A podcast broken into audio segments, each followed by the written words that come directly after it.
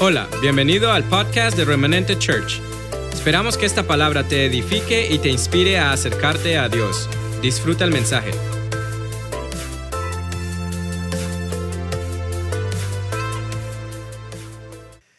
Ok, estamos dando comienzo a una serie que se llama Cultura de Reino. Amén. En los próximos domingos los pastores van a estar predicando acerca de este tema. Y aunque es un tema que se ha escuchado mucho en, los últimos, en las últimas décadas, especialmente en las dos últimas décadas, pues yo siempre he dicho que la revelación es progresiva. Por lo tanto, cuando hablamos del reino, eh, vamos progresando en esa revelación. Y se hace necesario que la iglesia asimile más esa cultura.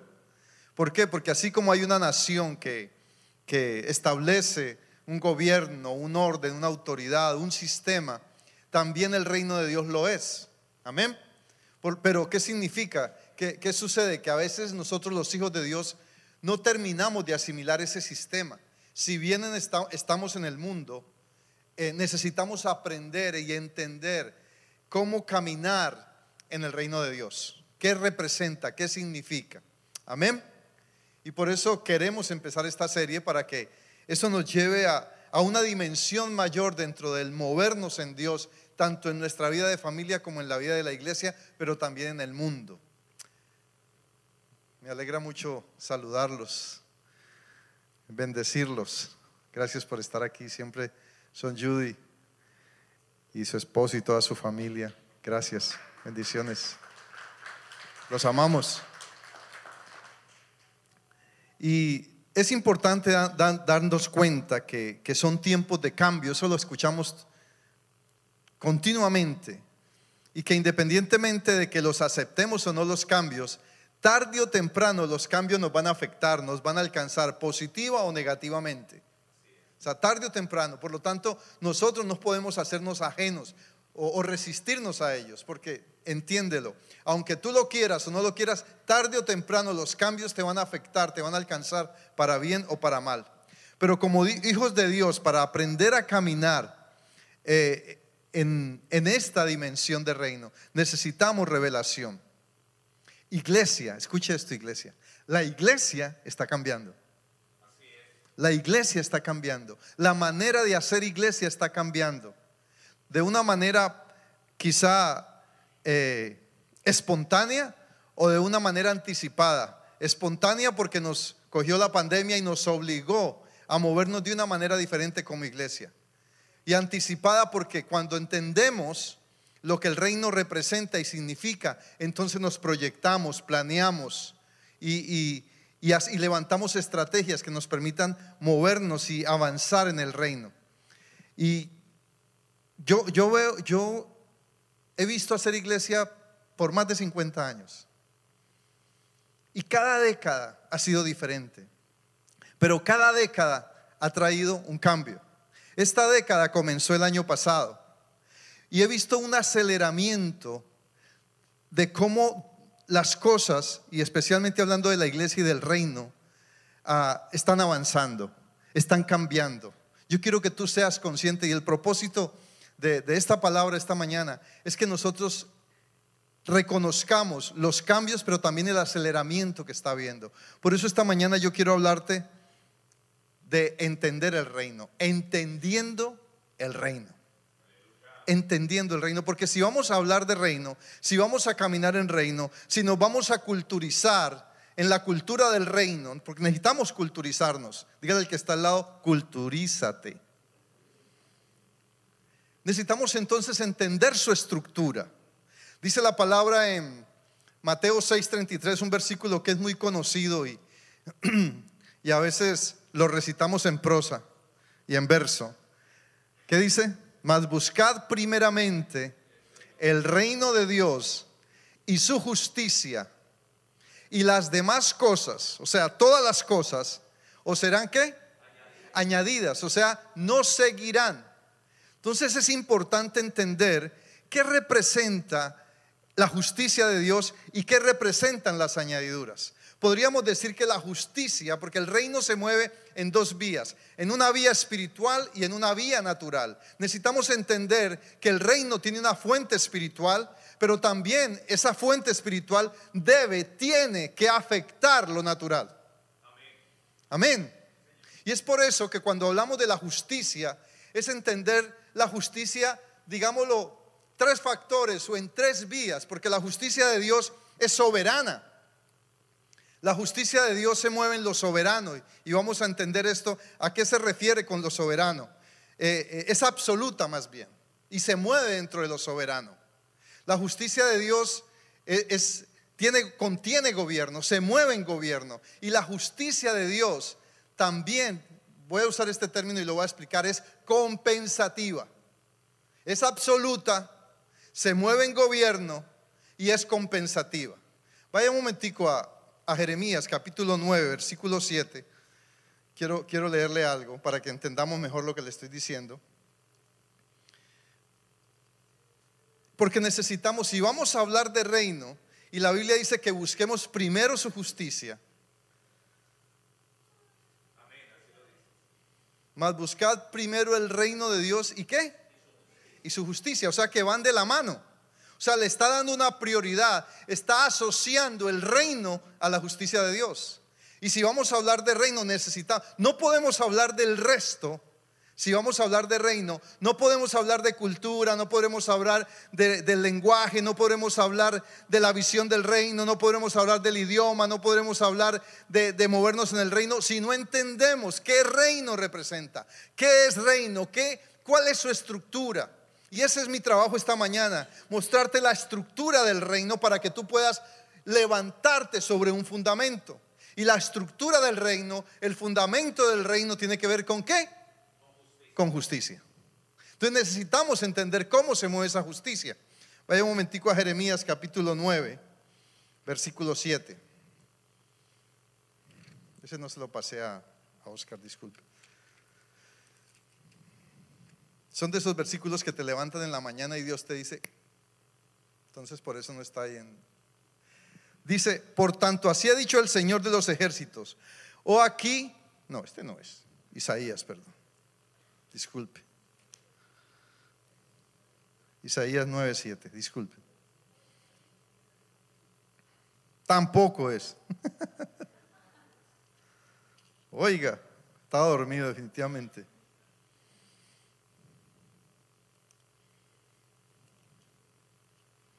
Deme un segundito, porque no me va a dar por vencido. Ok, lo dilatado de su imperio y la paz, si es, si es Isaías 9:7, perdón. Lo dilatado de su imperio y la paz no tendrán límite. Sobre el trono de David y su reino, disponiéndolo y confirmándolo en juicio y en justicia desde ahora y para siempre, el celo del Señor de los ejércitos hará esto. Entonces, cuando estamos hablando de que la justicia de Dios es absoluta, parte de su soberanía. Significa que esa justicia está ligada a la naturaleza misma de Dios es parte de la soberanía de Dios, es parte de la naturaleza de Dios. Hablar y entender la justicia de Dios a ese nivel absoluto es entender y que tenemos una garantía, tenemos un aval de que todo lo que Dios dice y hace está sostenido por su justicia. En otras palabras, automáticamente hay una legitimidad y hay una legalidad cuando hablamos del reino y su justicia. Lo otro tiene que ver con gobierno. Y es lo que hace que sea controlado, porque todo lo que Dios estableció sobre el universo contiene leyes, leyes espirituales, leyes naturales y leyes de gobierno. Dice la palabra en Hebreos capítulo 1, versículo 3, que Él sostiene todas las cosas todas las cosas con la palabra de su poder. O sea, es como Dios, a través de, su, de la justicia, operando en su gobierno, hace que todas las cosas entren en qué? En orden. Un ejemplo de ello En, Génesis capítulo 1, versículo 2 y 3 dice que la tierra estaba desordenada y vacía. ¿Y qué hizo Dios? Dios operó su justicia. ¿De qué manera? Trayendo orden. Él hizo justicia sobre la tierra porque dijo que si estaba desordenada era porque antes había habido un orden. Antes había habido un orden. Entonces Él liberó esa justicia sobre la tierra y sobre el universo, recreándola. Entonces Él operó en gobierno y estableció leyes sobre la tierra, sobre el universo, sobre, sobre la naturaleza, que hicieran que todo aplicara de acuerdo al orden de Dios. Entonces hemos hablado de la justicia absoluta, hablamos de la justicia eh, de gobierno en este caso, y hablamos también de la justicia compensativa.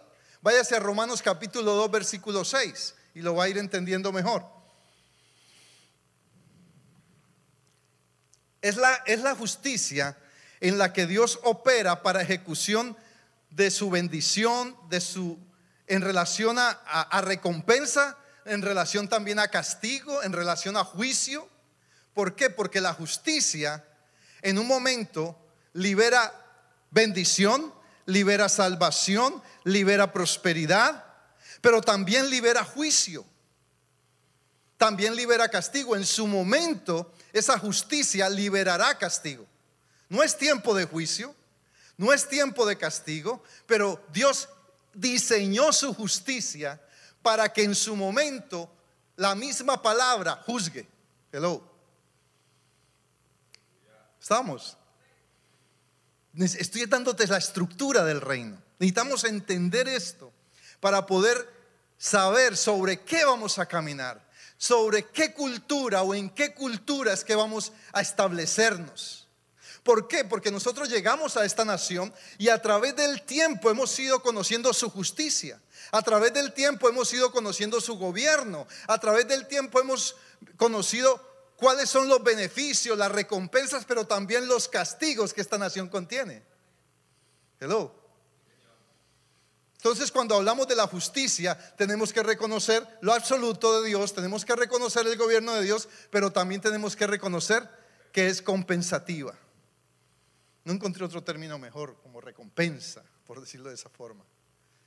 Entonces, entendiendo esto, toda esta justicia está ligada a la visión espiritual del reino. ¿Por qué? Porque fue diseñada en los cielos. Pero fue diseñada, diseñado este reino en los cielos para que se manifestara en lo natural. Y es por eso que el reino entró a la tierra. ¿Cómo entró a la tierra? A través de Jesucristo. ¿Y, de, y cuál fue la condición de ese reino?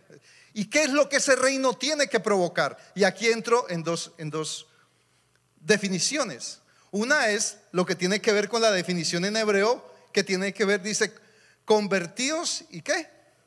Arrepentidos y convertidos porque el reino de Dios se acerca. ¿Qué es lo que está diciendo? Que Jesús trajo la manifestación del reino. ¿Para qué? Para que haya una conversión, o sea, un cambio de, dirección. La palabra arrepentimiento se las he enseñado por años, es la palabra techubá, que tiene que ver con qué? con cambio de dirección. Entonces, mi mente tiene que cambiar de dirección, mi, mi, vida tiene que cambiar de dirección, mis acciones tienen que cambiar de dirección si quiero entrar en la dimensión y conocer el reino. La otra palabra en griego es la palabra metanoia. Metanoia tiene que ver con quebrar, romper y destruir estructuras. Entonces, cuando el reino viene, el arrepentimiento tiene que provocar un rompimiento, un desquebrajamiento, un destruir estructuras mentales que me lleven a transformar mi manera de pensar. ¿Estamos? Vamos entendiendo la estructura del reino. Entonces no es simplemente que hoy se habla de reino y es porque hay una iglesia con 20 televisores, con cámara. No, no, no, eso es contemporaneidad, eso no es reino.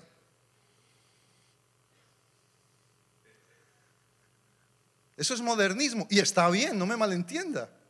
Pero hay mucha gente construyendo reino sin estructura, sin fundamento, solamente porque es lo de moda. Y sí, el reino es una moda desde que Cristo murió en la cruz. Dale ese aplauso al Señor. Entonces, ahora, en ese mundo natural entran lo que se llaman las añadiduras. Y nosotros somos tan coloquiales y tan culturales, por hablar de cultura, tan, hay una palabra, tan folclóricos es la palabra, que aun cuando tomamos la palabra le ponemos folclor. Mas buscad primeramente el reino de Dios y su justicia, y lo demás todo será qué? Nos quedamos solamente en la parte de más buscad primeramente el reino de Dios. Y de ahí para allá, lo que venga. Pero esas añadiduras, ¿con qué tienen que ver? Tienen que ver con todo aquello que Dios designó y diseñó para que nos equipara y también como recurso, acá en la tierra obviamente, tanto cosas como la bendición, la salud, la prosperidad, la riqueza, la bendición, el servicio, el ministerio, el dar, el recibir, hacen parte de mis añadiduras. La prosperidad, la mayordomía, que lo estuvimos hablando. Entonces, ya entendemos, ya tenemos claro, esto no se le va a olvidar a usted, que cuando usted va a hablar de reino, primero que le abren de justicia y también de añadiduras. Entonces, entendiendo la justicia, en esa dimensión, usted tiene autoridad legal para caminar en el reino. Esa justicia me da el derecho legal de caminar y de ser que un ciudadano del reino. Dice la palabra que nuestra ciudadanía está donde? Y no de una manera religiosa. Ay, nuestra ciudadanía está en el reino de Dios. Y ay, si yo soy ciudadano del reino. Algunos tienen un pasaporte se llama, tiene una R así en él, de religión. Dejé así. Entonces, tenemos claro, ya sabemos cuál es la estructura del reino. Es que la justicia. Si vas a buscar el reino, tienes que buscar qué? La justicia. Lo que nos lleva a que no se puede entrar, no se puede vivir en la dimensión del reino si primero no venimos a Dios. Mas buscad primeramente, primeramente, la palabra protón. A algunos les suena cabezón, pero es protón. La palabra protón. Esto significa primeramente en tiempo, en lugar, en orden y en importancia. Si yo voy a entrar en esa cultura de reino, y de ahí para allá vamos a desplegar. Yo me voy a desplegar en hablarle de reino. Cuando sé, y yo sé que sé que usted tiene la estructura y entiende a qué se refiere hablar de reino. ¿Por qué? Porque cuando yo hago algo con un fundamento, construyo con firmeza.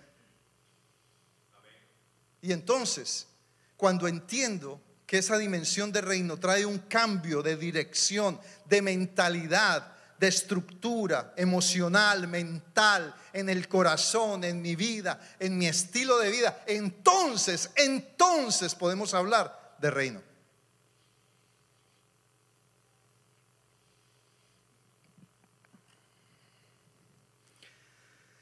Solo a partir de Dios. Entonces, cuando entendemos la justicia y visualizamos el reino y visualizamos su cultura, lo primero que va a suceder es que va a haber un reseteo, una configuración, un reinicio en mi mente. Es así como cuando usted coge su televisor, perdón, su computadora, su teléfono y lo reinicia. ¿Cómo, le, cómo se, en inglés es resetear, pero reset, pero en español, ¿cómo se dice? ¿Ah? Formatear. Formatear. Necesitamos que nuestra mente sea formateada ¿Por qué? Por esa dimensión, por esa cultura, por, por esa estructura del reino. Y eso sucede solamente cuando decido hacer un qué? Un cambio de dirección. Es cambiar de mentalidad, es cambiar de estructura mental, es cambiar de forma de creer, es cambiar de forma de pensamiento, es empezar a tener una mente abierta a lo que el reino representa y significa. Y a partir de ahí, entonces se producirán aquellos cambios que tú, mi familia y la iglesia y el mundo están necesitando hoy. Estoy hablando del reino, entendiendo el reino. ¿Por qué? Porque en el reino la mentalidad es hacia afuera.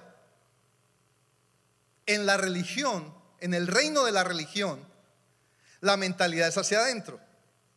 En el reino de Dios la mentalidad es hacia afuera. Por eso la religión no estuvo cautivo por siglos en las cuatro paredes. No te pido que los quites del mundo, sino que los libres de qué? Eso es una mentalidad de reino. Eso es mentalidad de reino. Desde el principio, Cristo nos marcó lo que a la iglesia le costó dos mil años entender. La iglesia se aisló, nos contaminamos, contaminamos el altar, todo se contamina. No, no te pido que los quites del mundo, sino que los apartes del mal. No te pido que los quites de ese sistema porque en él viven, sino que los guardes de ese sistema y caminen en el sistema del reino. Eso es lo que quiere decir ese versículo.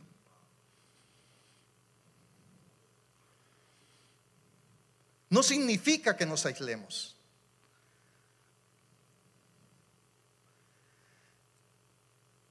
En estos días me llegó una frase que me dejó pensando, muy simple. El hecho de que yo piense algo no significa que sea verdad. Porque es que asumimos que todo lo que pensamos es verdad.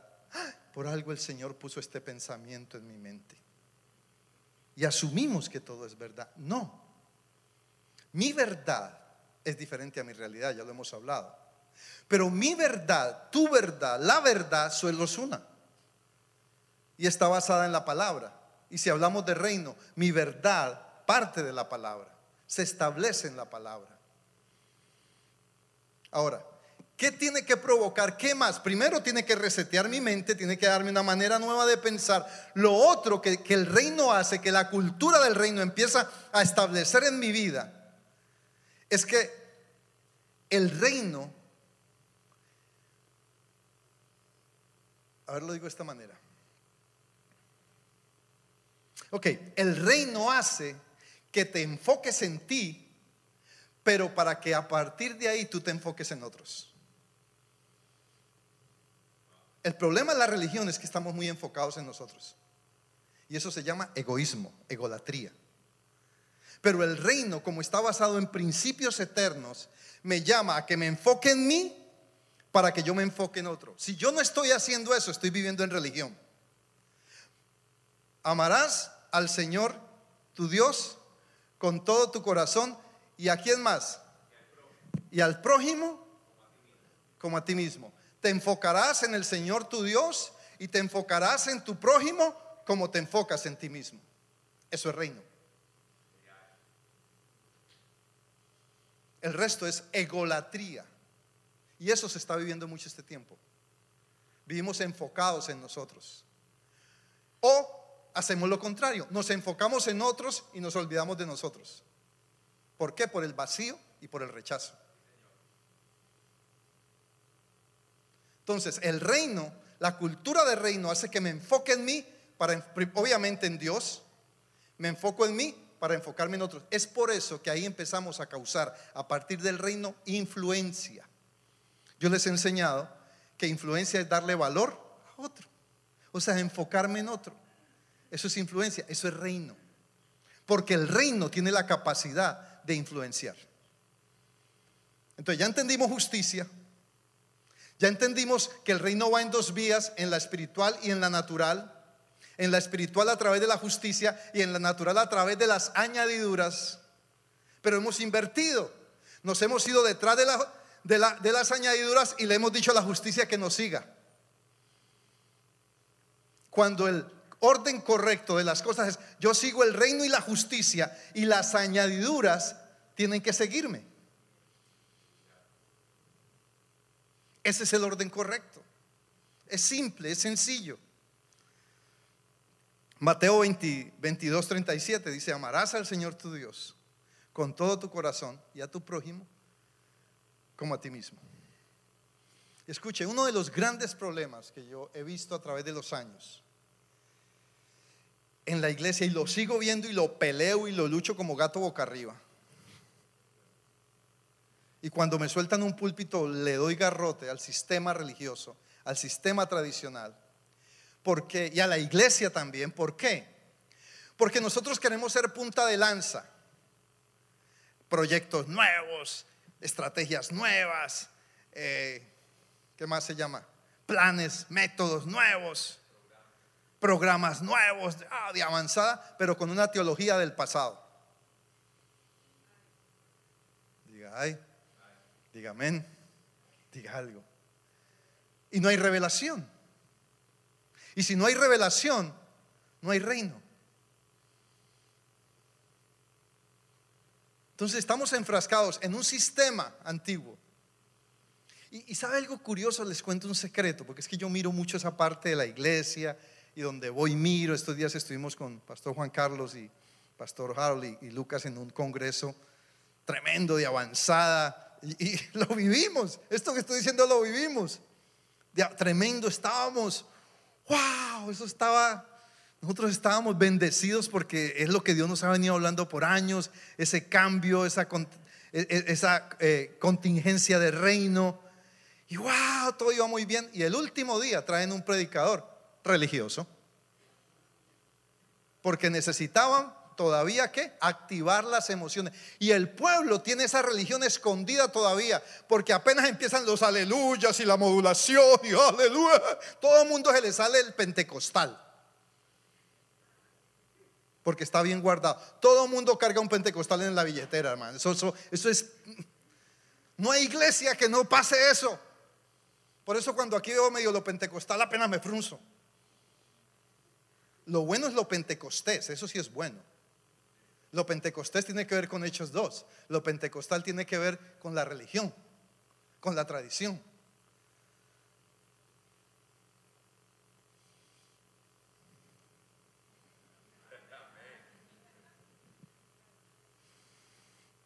Entonces, necesitamos romper esa teología del pasado esa teología religiosa, ese mover, ese sistema religioso. Eh, eh, mira, cuando uno aprende a entender esta dimensión de reino, se da cuenta que Jesús era lo más antirreligioso que había. Era una cosa, no, mejor dicho, nosotros estamos en pañales de cómo Jesús era, le daba garrote, le hace Hechos 15, le hace Hechos, perdón, Mateo, Mateo 23, cómo Jesús mantenía una pugna constante, oígame, pugna, pelea, conflicto, pleito con los religiosos de la época, constante. Todo el tiempo lo atacaban, todo el tiempo. ¿Por qué? Porque el reino es antirreligión. No podemos hablar de reino con un sistema religioso vicioso, viciado. Necesitamos romper entonces esa teología del pasado. Y cuando hablo de teología no solamente no, no estoy hablando de la revelación, estoy hablando del sistema, estoy hablando de la tradición, estoy hablando de la liturgia, estoy hablando de las formas que la iglesia sigue utilizando es que para hacer reino. ¿Y sabe lo que hace? Espantar a todo mundo. Porque la iglesia primero se enfoca en ella y no se ha enfocado en los de atrás. Por eso la iglesia ha estado por dos mil años sumida en el egoísmo. Lo mismo opera. Opera para el individuo y opera para la iglesia como cuerpo. La iglesia ha estado enfocada en las cuatro paredes y se ha olvidado del enfoque hacia afuera. Y hemos estado construyendo iglesia para nosotros, cuando la Biblia me, me, me invita a que haga iglesia para los de afuera. No están muy convencidos. Otra vez hemos estado haciendo iglesia para nosotros. Eso se llama egoísmo. Nos hemos enfocado en nosotros. Amarás al Señor tu Dios con todo tu corazón y a la iglesia como a ti mismo. No, pues qué rico amar a los que se puede. Hemos estado enfocados en el Señor tu Dios y en la iglesia, no más. En nosotros. Yo no lo estoy regañando. Yo le estoy rompiendo las estructuras a través de la palabra. ¿Para qué? Para que, porque es que para que entre una nueva cultura a mi vida, yo tengo que soltar la, la cultura que me ha gobernado. Y ese ha sido, ¿por qué estoy hablando así tan severamente? Porque ese es el bendito problema, dijo el venezolano de, los, de la iglesia. El bendito problemita. Que queremos hacer, construir una iglesia de reino con un sistema de religión. Es lo mismo que si nosotros venimos a esta nación y el conflicto más grande, que siempre lo he dicho, es que metamos a nuestros hijos en nuestras raíces y en nuestra cultura hispana cuando ellos tienen una mentalidad americana y solo han crecido en una mentalidad americana. Es exactamente lo mismo. Seguimos haciendo iglesia y yo, Juan Carlos, sorry, usted me invitó a predicar, hermano.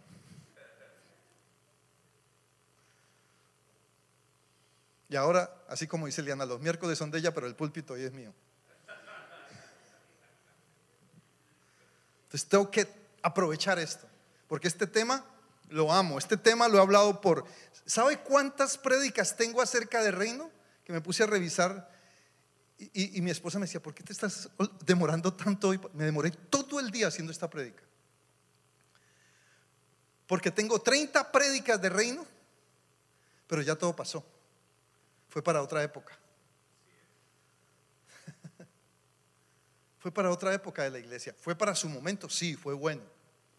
Pero esto es un nuevo tiempo en que la iglesia y los cambios se están dando tan rápida y aceleradamente que tenemos que crear una cultura para que afecte la anticultura.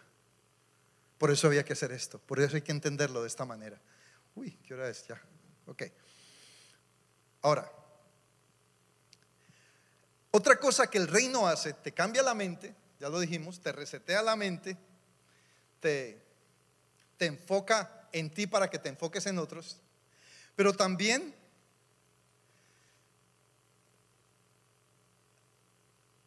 el reino tiene la facultad y el poder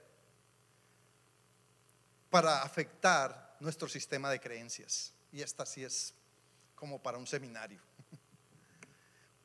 Miremos la vida de Abraham. Josué capítulo 24, 2, algo por ahí. Dice que Abraham estaba en Ur de los Caldeos y sus padres adoraban otros dioses. Cuando uno estudia un poquito más la historia, dice, y dijo Josué a todo el pueblo, así dice Dios, ok, así dice Jehová Dios de Israel, vuestros padres habitaron antiguamente al otro lado del río, esto es Tare, el padre de Abraham, y de Nacor, y servían a qué? Es interesante esto, mire, esto que le voy a decir le rompe la cabeza a uno. Es así como que Dios, eso es así como los, Henry, como los promotores de fútbol que van y buscan por ahí en los campos jugadores buenos en los barrios, en las colonias, ¿sí?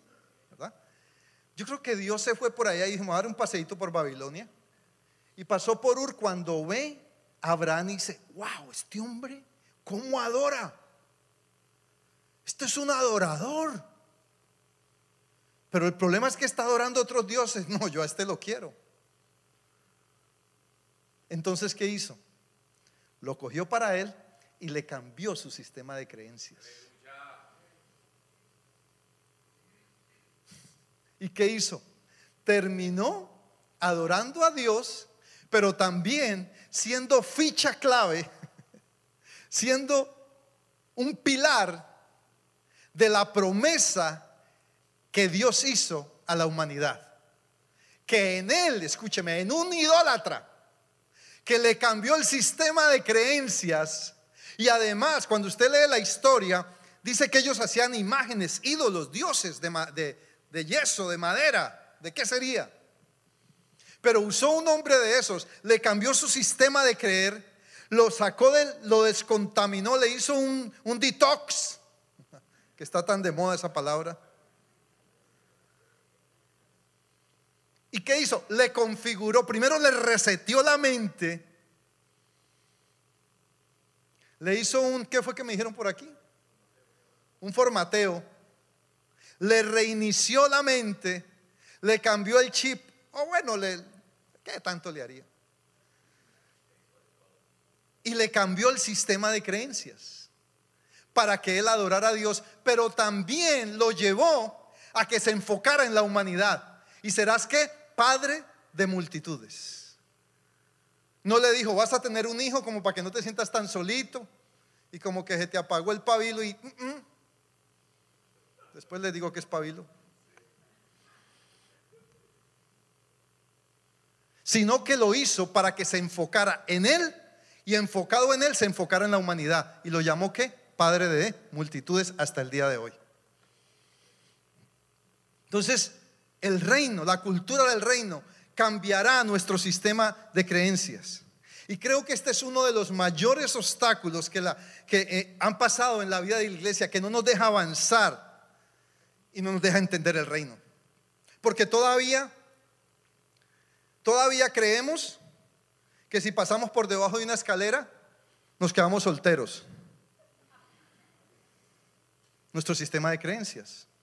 Todavía creemos que hay que tener la mata de sábila para espantar los malos espíritus. Todavía creemos que hay que sacar la piña al sereno para que haga más efecto. Sistema de cábalas, el sistema de creencias. Y otras tantas.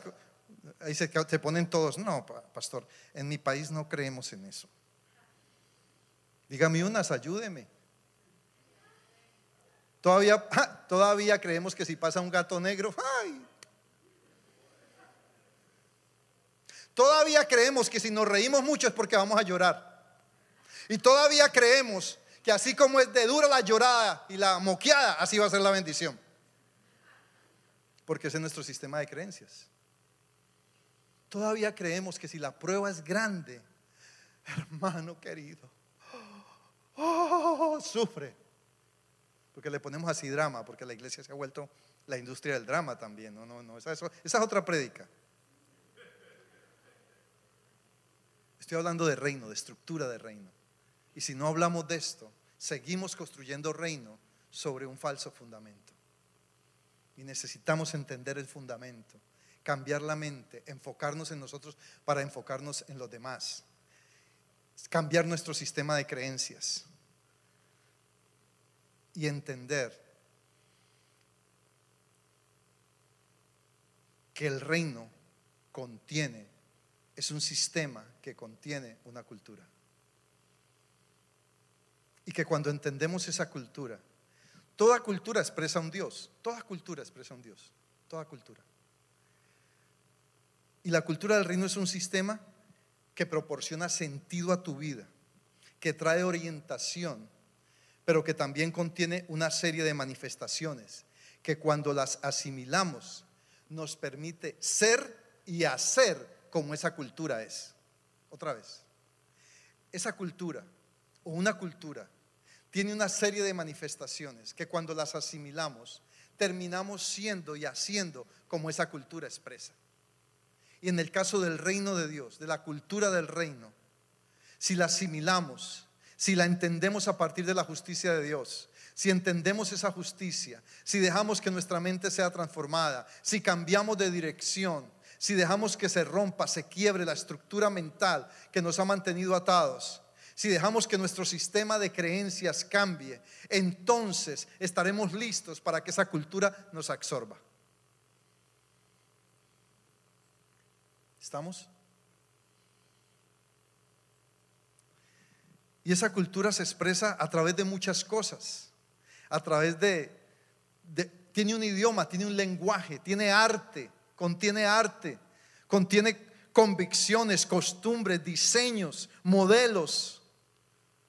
Es todo un sistema. Yo quiero que tú sepas que esta palabra contiene un sistema de reino que te transforma, que te cambia, que te libera, que te bendice, que te sana, que te permite construir, que te hace creativo, que te hace próspero, que te hace victorioso. No por una manifestación de emociones, sino por una estructura sobre la cual edifico. Y entonces vienen cambios a mi vida. Y entonces cuando camino en esa cultura puedo afectar lo que me rodea. Puedo afectar el mundo que, está, que está, todo lo que está a mi alrededor. Necesitamos entrar en esta cultura. Necesitamos entender, necesitamos saber que estamos cubiertos por la justicia de Dios, que no estamos a la deriva, que Dios nos sostiene con su justicia, que todo aquello que pasa a nuestro alrededor, siempre la justicia de Dios lo cubrirá, lo arropará, lo que hace que mi fe se libere y camine a esa dimensión y a esa medida que Él ha establecido para nosotros. Amén. Y lo que Dios hizo en Génesis, ya voy a terminar, en Génesis 1.2, fue recrear aquello que se había destruido. El reino viene para recrear, el, el, reino viene para restaurar, el reino viene para sanar, el reino viene para cambiar. Y cuando esto sucede, entonces, escucha mi iglesia, tendremos visión de reino, cultura de reino, lenguaje de reino, oiremos la voz del reino y no la voz del mundo entenderemos qué significa la identidad del reino, la ciudadanía del reino, el gobierno del reino, el orden del reino. Entenderemos el reino como un estilo de vida. Conoceremos el reino porque esto, iglesia, es cuestión de reino. Es cuestión de reino. Y entendiendo esto, Vamos a abrir. Yo sé que fue fuerte esta, y lo hice de esta manera porque no podemos, porque necesitamos, perdón, romper estructuras. Ya es tiempo de que dejes que el reino venga y rompa y quiebre tus estructuras. Estamos aferrados a algo.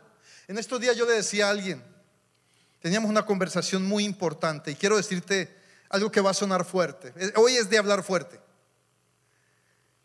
Sal de la cultura del logro y vive en la cultura de lo eficaz. Te explico. Vivimos en una cultura del logro. Logré esto, me vine de mi país y logré esto. Y no lo quiero soltar. Y sobre eso edifico. No construya sobre tu logro, construye sobre el fundamento del reino en tu vida. Porque entonces serás eficaz. El logro, cuando me quedo con el logro, el logro también pasa. El logro pasa. Pero hay gente que logra algo y se aferra a ese logro y cuida ese logro.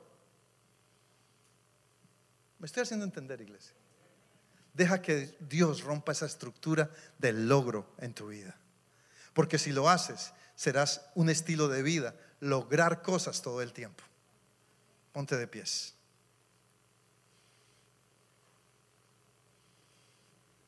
Y a partir de aquí, cuando tú entras en esa dimensión de reino, las cosas cambian más rápido. Cuando tú te dejas absorber de esa cultura del reino,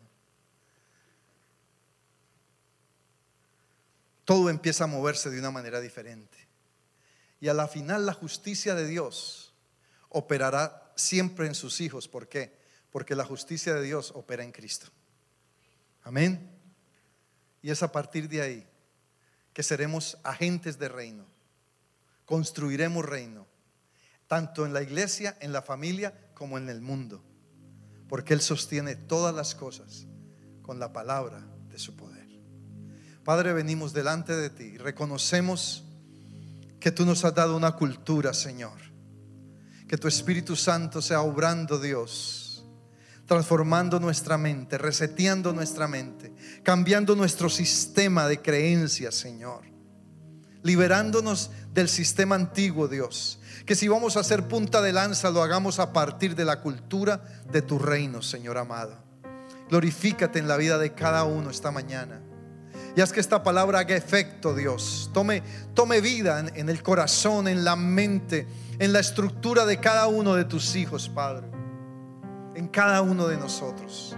Haz que tu Espíritu, Santo nos conversa de justicia, de pecado y de juicio, Señor constantemente para romper y quebrar toda estructura del pasado, toda estructura religiosa, toda estructura tradicional, toda estructura de pensamiento, Dios, que nos mantiene en la misma dirección, para que podamos entonces, Señor, cambiar de dirección en el nombre de Jesucristo.